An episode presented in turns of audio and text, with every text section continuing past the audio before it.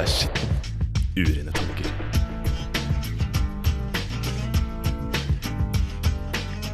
Det er litt gøy, dette. Det er kjempegøy. Katarsis. I dagens sending skal vi ta for oss teaterstykket 'Precision of Freedom' som vi gikk på Avantgarden. Og så skal vi snakke litt om innholdet i maleriet 'Nattverden' av Da Vinci. Nattverdsframstillinga ser vi ofte en person som hviler hodet sitt i Jesu fang, og denne personen blir omtalt som den som Jesus elsker. Spørsmålet i dagens katarsis er hvem er denne personen? Er det faktisk døperen hans, eller er det en annen? Det skal vi snart få svar på, men først litt musikk. Her har du DJ Mati med La Cumbia Rabaicada. Hei, det her er Josten Pedersen på Radio Revolt. Radio Revolt, 12 points. Det er i toppen, det. Ikke sant? Hei og velkommen til en ny eh, episode, holdt jeg på å si. Altså alltid nesten episode, men Det en, heter eh, sending. en ny sending av Katarsis, her på Radio Revolt. Mhm.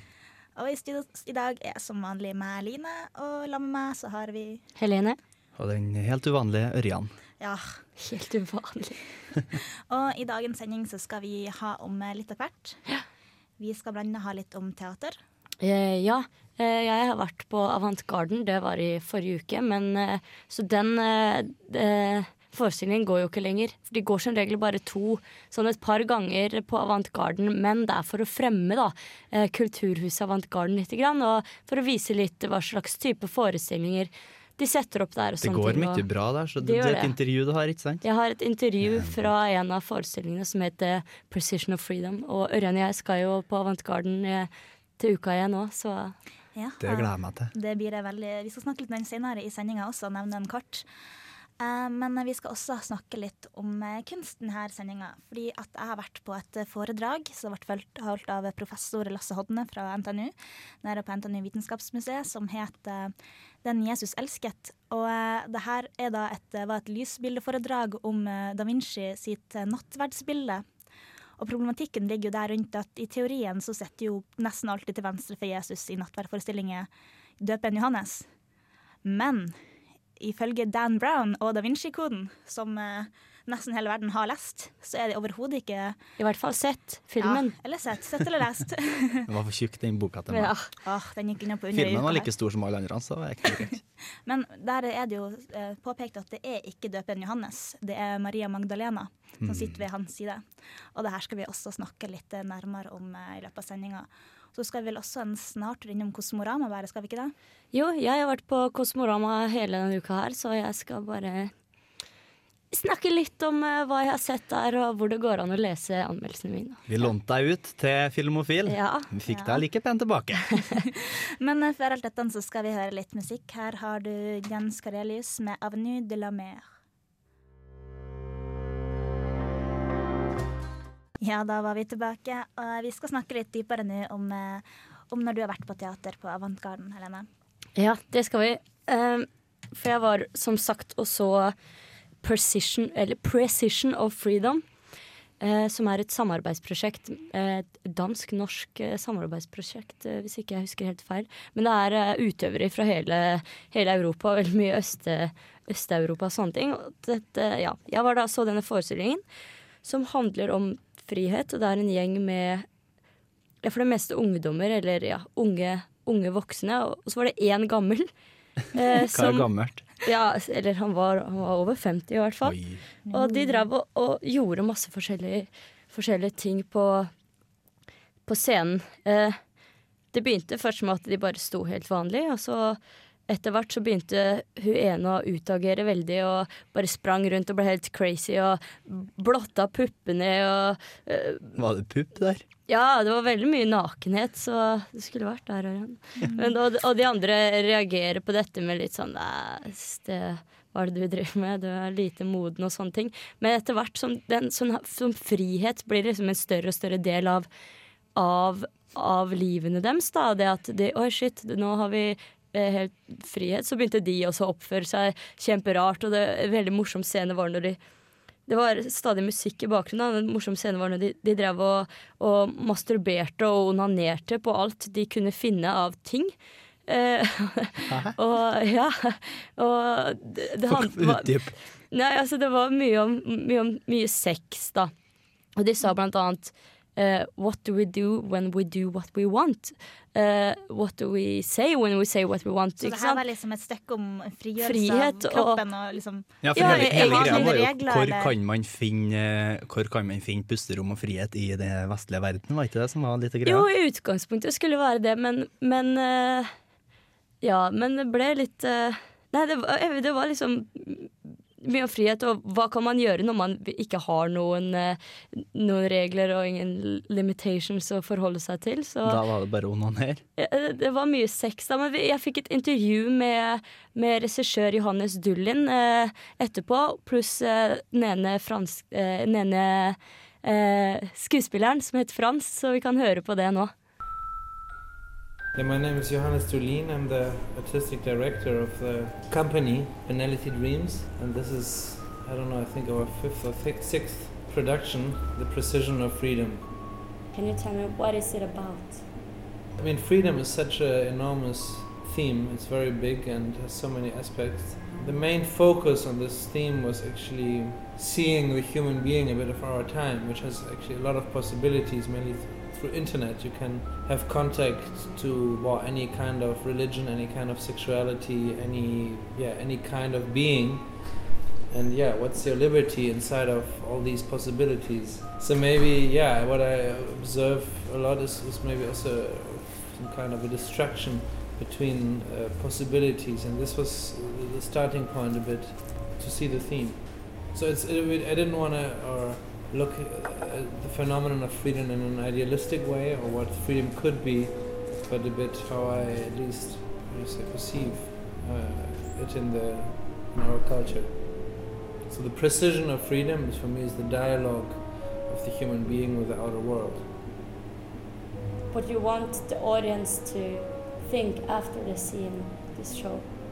Well, I think it, it wants to also somewhat touch on absurdity or in the phenomenon of freedom, and, and I think what I precisely want to touch in the audience that's that's more difficult to say. It's more to to somehow create a platform where you may, maybe can find find yourself or find different uh, things from the world around you inside of it, and um maybe denude certain things and uh, play with it, and also play with the absurdity of yeah I don't know of the theme and of our time.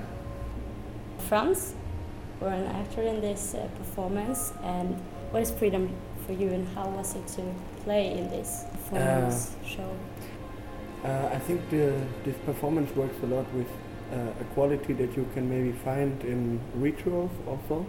Uh, rituals that we don't have anymore so much in our culture because we we try to yeah we are socialized and civilized and for me the freedom of the performance on stage are actually these moments of um, freeing themselves from uh, prejudice and uh, being in a moment with all their senses and realizing all the little details that happen and realizing the freedom of um, the possibility to act in whatever way you want to act. I think that's the biggest freedom you can gain on stage. There was one scene that I found maybe most interesting, the fruit scene, like a fruit bomb just exploding on the floor. What was your idea around this fruit scene? But I think the idea was a lot somehow some kind of a paradise or but actually more an orgy or a, a situation where everything is possible, where anything you do is accepted by the other others. So you are somehow free. Actually, yeah, we're looking for some kind of machinery, which is somehow just working in itself, playing with with this paradise feeling. Yeah, for us performers, uh, it's a very hard scene actually because we are on the floor, we are half naked, everything is a bit dirty. Often the stages are not really clean, and you have the fruit juices, you have the spit, the sweat, uh, you put your face in sweaty places of other bodies. And I think the the interesting thing for us is that we are actually free of justice in this moment. So for us, the paradise is a state of mind where we feel everything with the highest sensibility that you could imagine, but we don't judge anything. So everything has its right. Peeing, Mhm. puking, but also little details like eating an apple. Uh, everything has the same value, and uh, yeah, how how nice would it be if sometimes things could have the same value? I think.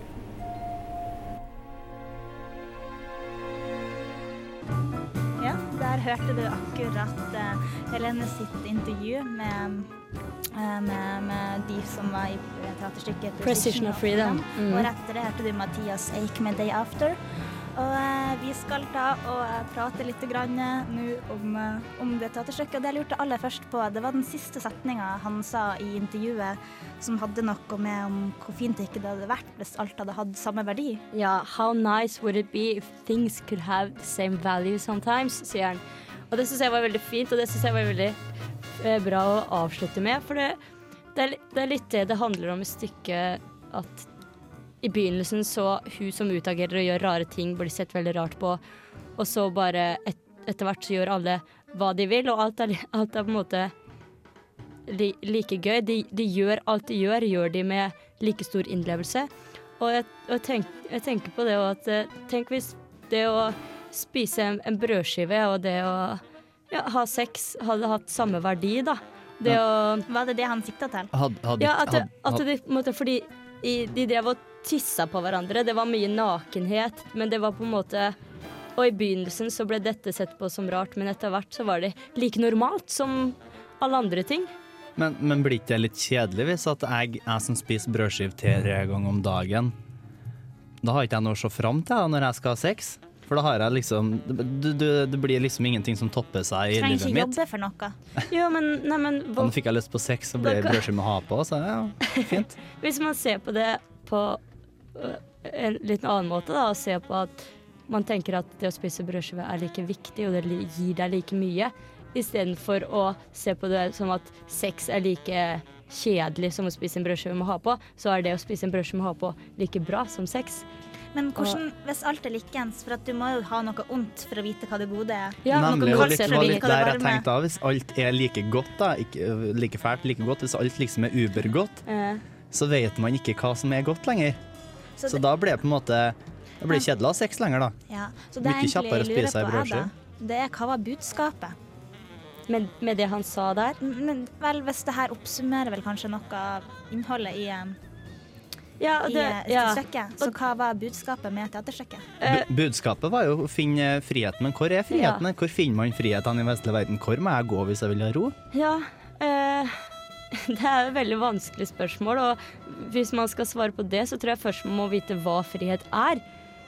Og Ah, Eller jeg vet ikke. hva er frihet, Helene? ja, eller vi, snakka litt om det. Dette var jo egentlig over en halvtimes langt intervju, og vi snakka om veldig mye forskjellig. Og vi snakka om, om frihet. eh, Og da, og da sa både Frans og han Johannes at for å, for å vite hva frihet er, så altså som, Siden vi har grenser, så kan vi vite hva det er, og at frihet kan være for oss å ville bryte med regler og lover og grenser vi har. Og hvis vi hadde hatt total frihet, vil det si at vi ikke hadde hatt noen grenser? Er det det som er frihet? Det er vanskelig. Blant annet sa de liksom What do we do when we do what we want? What do we say when we say what we want? Når vi har muligheten til å gjøre alt det, så oi, shit, nå kan man gjøre hva man vil. Nå har man frihet til å gjøre hva man vil. Hva gjør man egentlig da? ikke sant? Um, hvis, Der, eh, det var ikke noe Det var slemt å gi meg på en søndag. ja, det var kanskje litt mye å svelge. Men uh, hvis du heller vil tenke på hva du skal gjøre til uka istedenfor hva du skal tenke videre på på en søndag, så følg med, for om en liten stund så kommer kulturkalenderen for neste uke. Aller først litt mer musikk. Layman 3 med Strobes part 2. Vil du vite hva som skjer i Trondheim i uka som kommer? Følg med.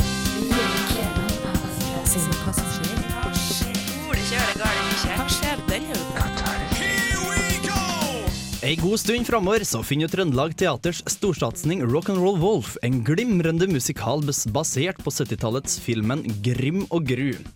På fredag så hadde Tro, håp og kjærlighet premiere på Trøndelag Teater, og den fortsetter og går ei god stund framover, den òg.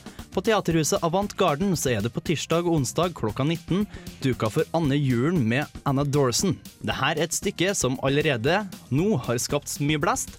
Stikkordet er naken, nakenhet, og tru oss, dere blir sjokkert.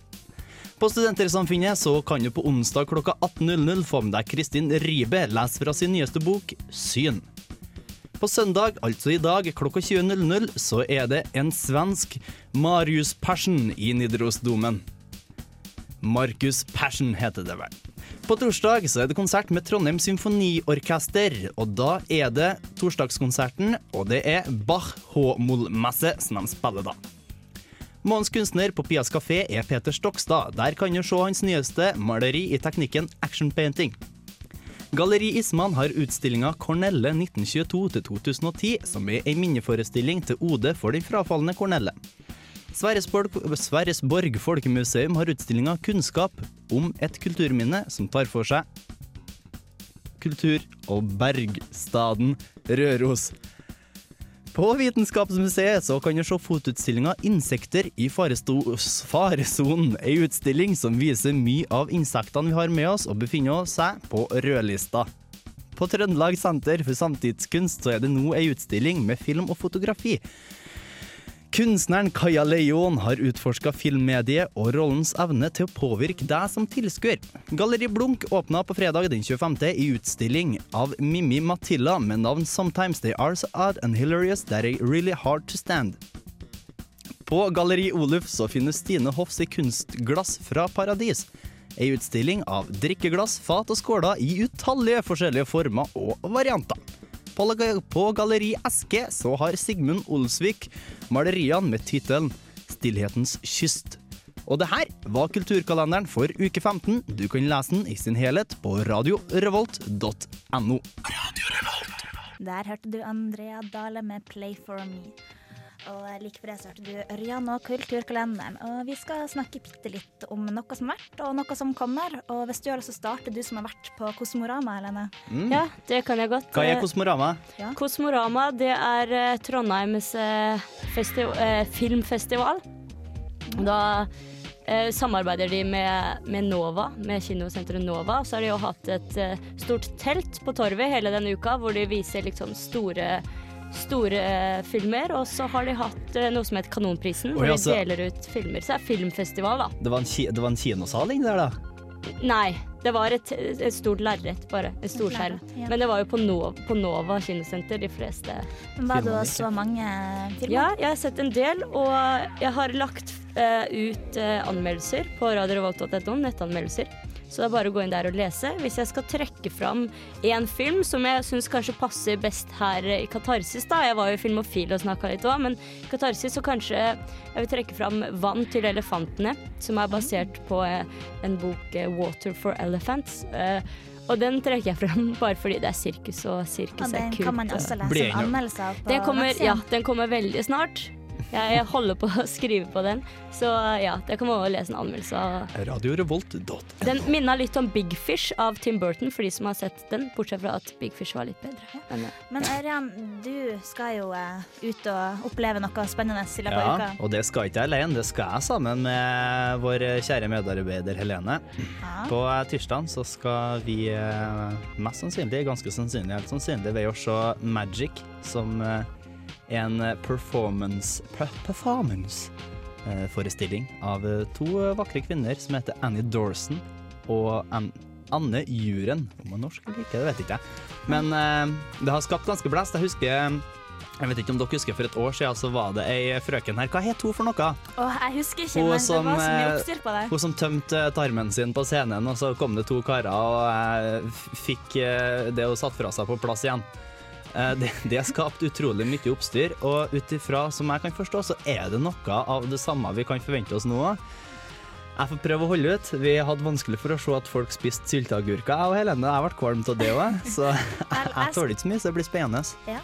Jeg skal ned på noe som ikke tror jeg er så, så illevarslende for min indre sjel. Ja, ja, Jeg skal eh, på Tro, håp og kjærlighet i Det morgen. stemmer. Som eh, begynte på fredagen, hadde premiere på Trøndelag Teater, som er vel eh, rundt om en time om, om ei som heter Elisabeth og hennes kamp mot et rigid og byråkratisk samfunnssystem.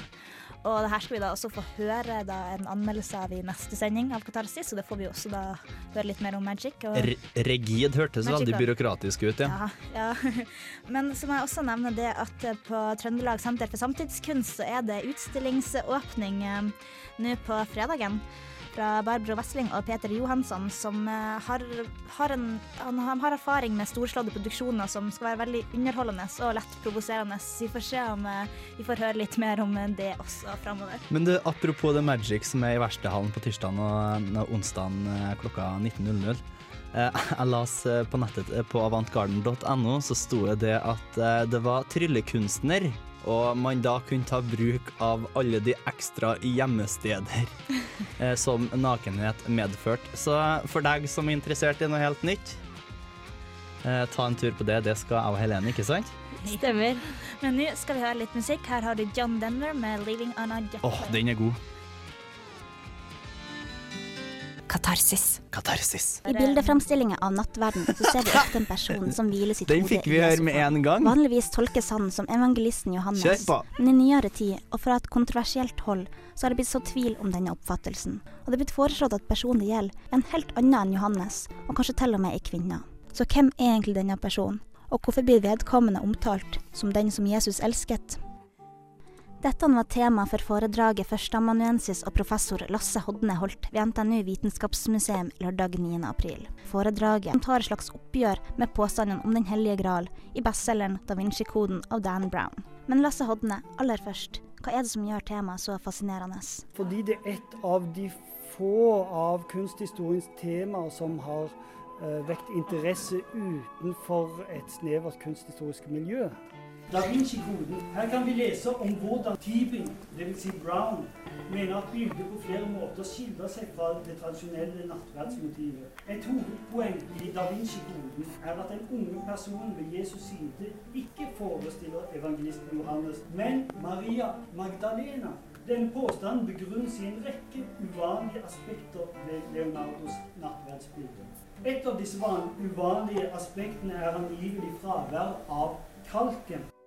I boka Da Vinci-koden kommer det fram at gralen slett ikke er en gjenstand. Det er ikke et glass med Jesu blod i, men derimot et menneske. Et menneske Jesus elska og hadde seksuelt samkvem med. På bordet i Da Vincis natteverd er ikke en gral til stede, og slik argumenterer altså Dan Brown for at gralen ikke er et beger, men et menneske. Dan Browns argument ville fungere utmerket dersom fraværet av kalken virkelig var en særegenhet. Men begerets manglende tilstedeværelse er ikke unikt i billedkunsten. Professor Hodne viser oss tilskuere via Powerpoint flere eksempler på tidligere og senere siste måltidverk hvor gralen ikke er å finne. Grunnen til at kalken er fokusert i noen bilder, men ikke i alle, skyldes at mens noen, som Leonardos, fokuserer på det historiske aspektet ved det siste måltid, er andre ment å skulle leses allegorisk. Her er ikke den konkrete handling så viktig, det er viktigere å få frem hendelsens teologiske betydning. OK, altså holder ikke Browns teori om gralens fravær ved bordet stand alene for at personen ved sida av Jesus er Maria Magdalena, og ikke døperen Johannes. Men det finnes da også andre elementer av en nattverden som forsterker hans teori. Nok et bevis, nemlig det at Jesus og personen ved hans høyre side danner en V, som visstnok symboliserer the sacred feminine, kvinnekjønnet. Gralen, dvs. Si glasset, er altså i Leonardos bilde erstattet med en kvinne, og denne kvinnen til stede i bildet. Maria Magdalena er nemlig bæreren av Hellig grav i sin egen form. Men i høyrerenessansen, da bildet ble malt, var det ikke vanlig å fremme symbolikk på en slik måte. I høyrerenessansen ble symbolikk plassert i gjenstander i bildet, og ikke i former som tilfeldigvis oppstår i tomrom mellom personer, slik som denne V-formen. Altså tyder alt på, ifølge Lasse Hodne, at det er døperen Johannes, og ikke Maria Magdalena, som sitter ved Jesus' bord i nattverden. Så alt i alt burde dette være oppklart. Men Dan Brown har skapt en god historie. Men når det er sagt, burde det egentlig være et problem å faktisk se om det er døperen Johannes eller Maria Magdalena som er på bildet? Det er jo to mennesker av ulik kjønn, og i de fleste tilfeller ser man jo tydelig forskjell på dem, gjør man ikke? Personen ved Jesus side er utprega feminin av utseende. Men også det her har Lasse Hodne svar på. Uh, det kan være flere grunner til det. Jeg tror en grunn er rett og slett det at i Bibelen så omtales han som den disippelen som Jesus hadde kjær. Før eh, Slimvoid med Flown der, eh, Line, så hørte vi saken din. Men hva, hva handla den om? Hva hva var det du skulle si før den starta? Det, det, jeg egentlig skulle si, var det at jeg har vært på det her foredraget da, med professor Lasse Hodne, som, som jobber på Dragvoll og bl.a. underviser i kunsthistorie, som jeg da går. Og det her foredraget handler jo om det at eh, Leonardo da Vinci sine verk har jo veldig ofte blitt diskutert i veldig mystiske. Alle har jo hørt eh, tusen varianter av eh, teorier for hvorfor Mona Lisa er sånn som hun er, osv. Og, og også på denne nattverden da, så har det vært eh, litt eh, spekulasjoner.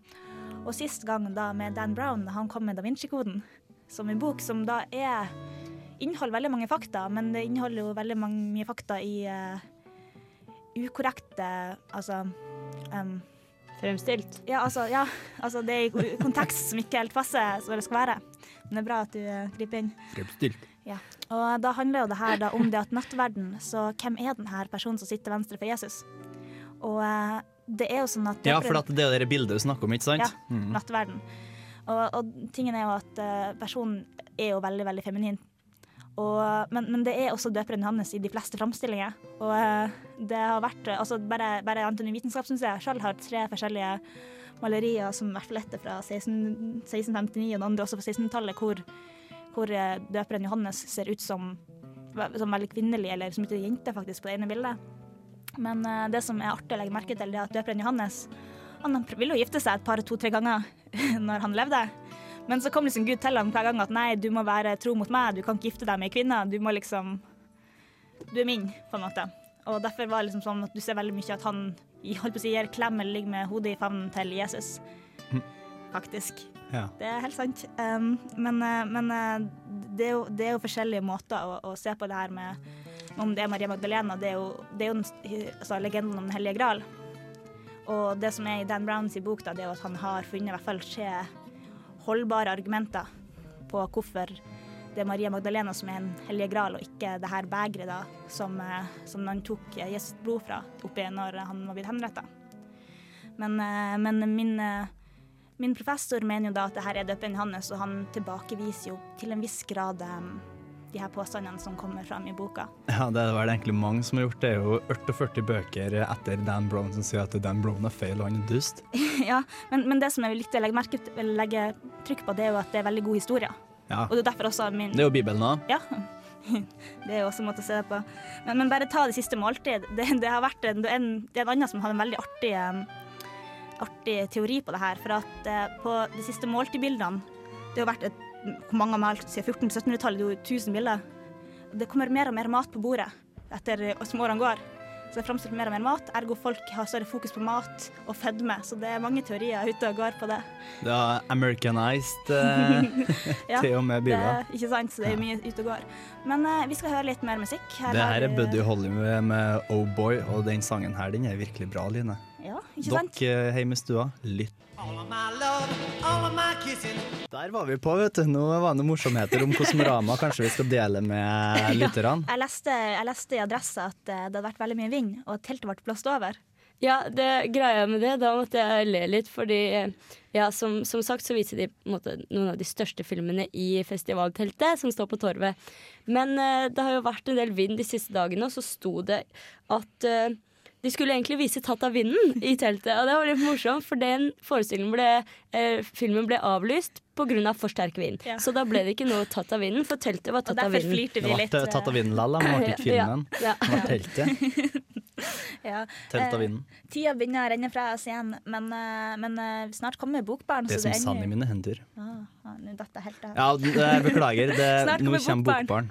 Ja, og, og vi, vi, vi, kan, eh, vi kan oppleves på, på podkast på iTunes og på radioalt.no. Men uh, takk til Bendik Bolme, som var tekniker. Mm. Ha det bra fra oss. Takk for oss. Lytt på oss neste uke. Dere er gull, akkurat som oss. Og her kommer jo Douglas Furs med 'Into the Woods'. Lytt og nytt. Katarsis.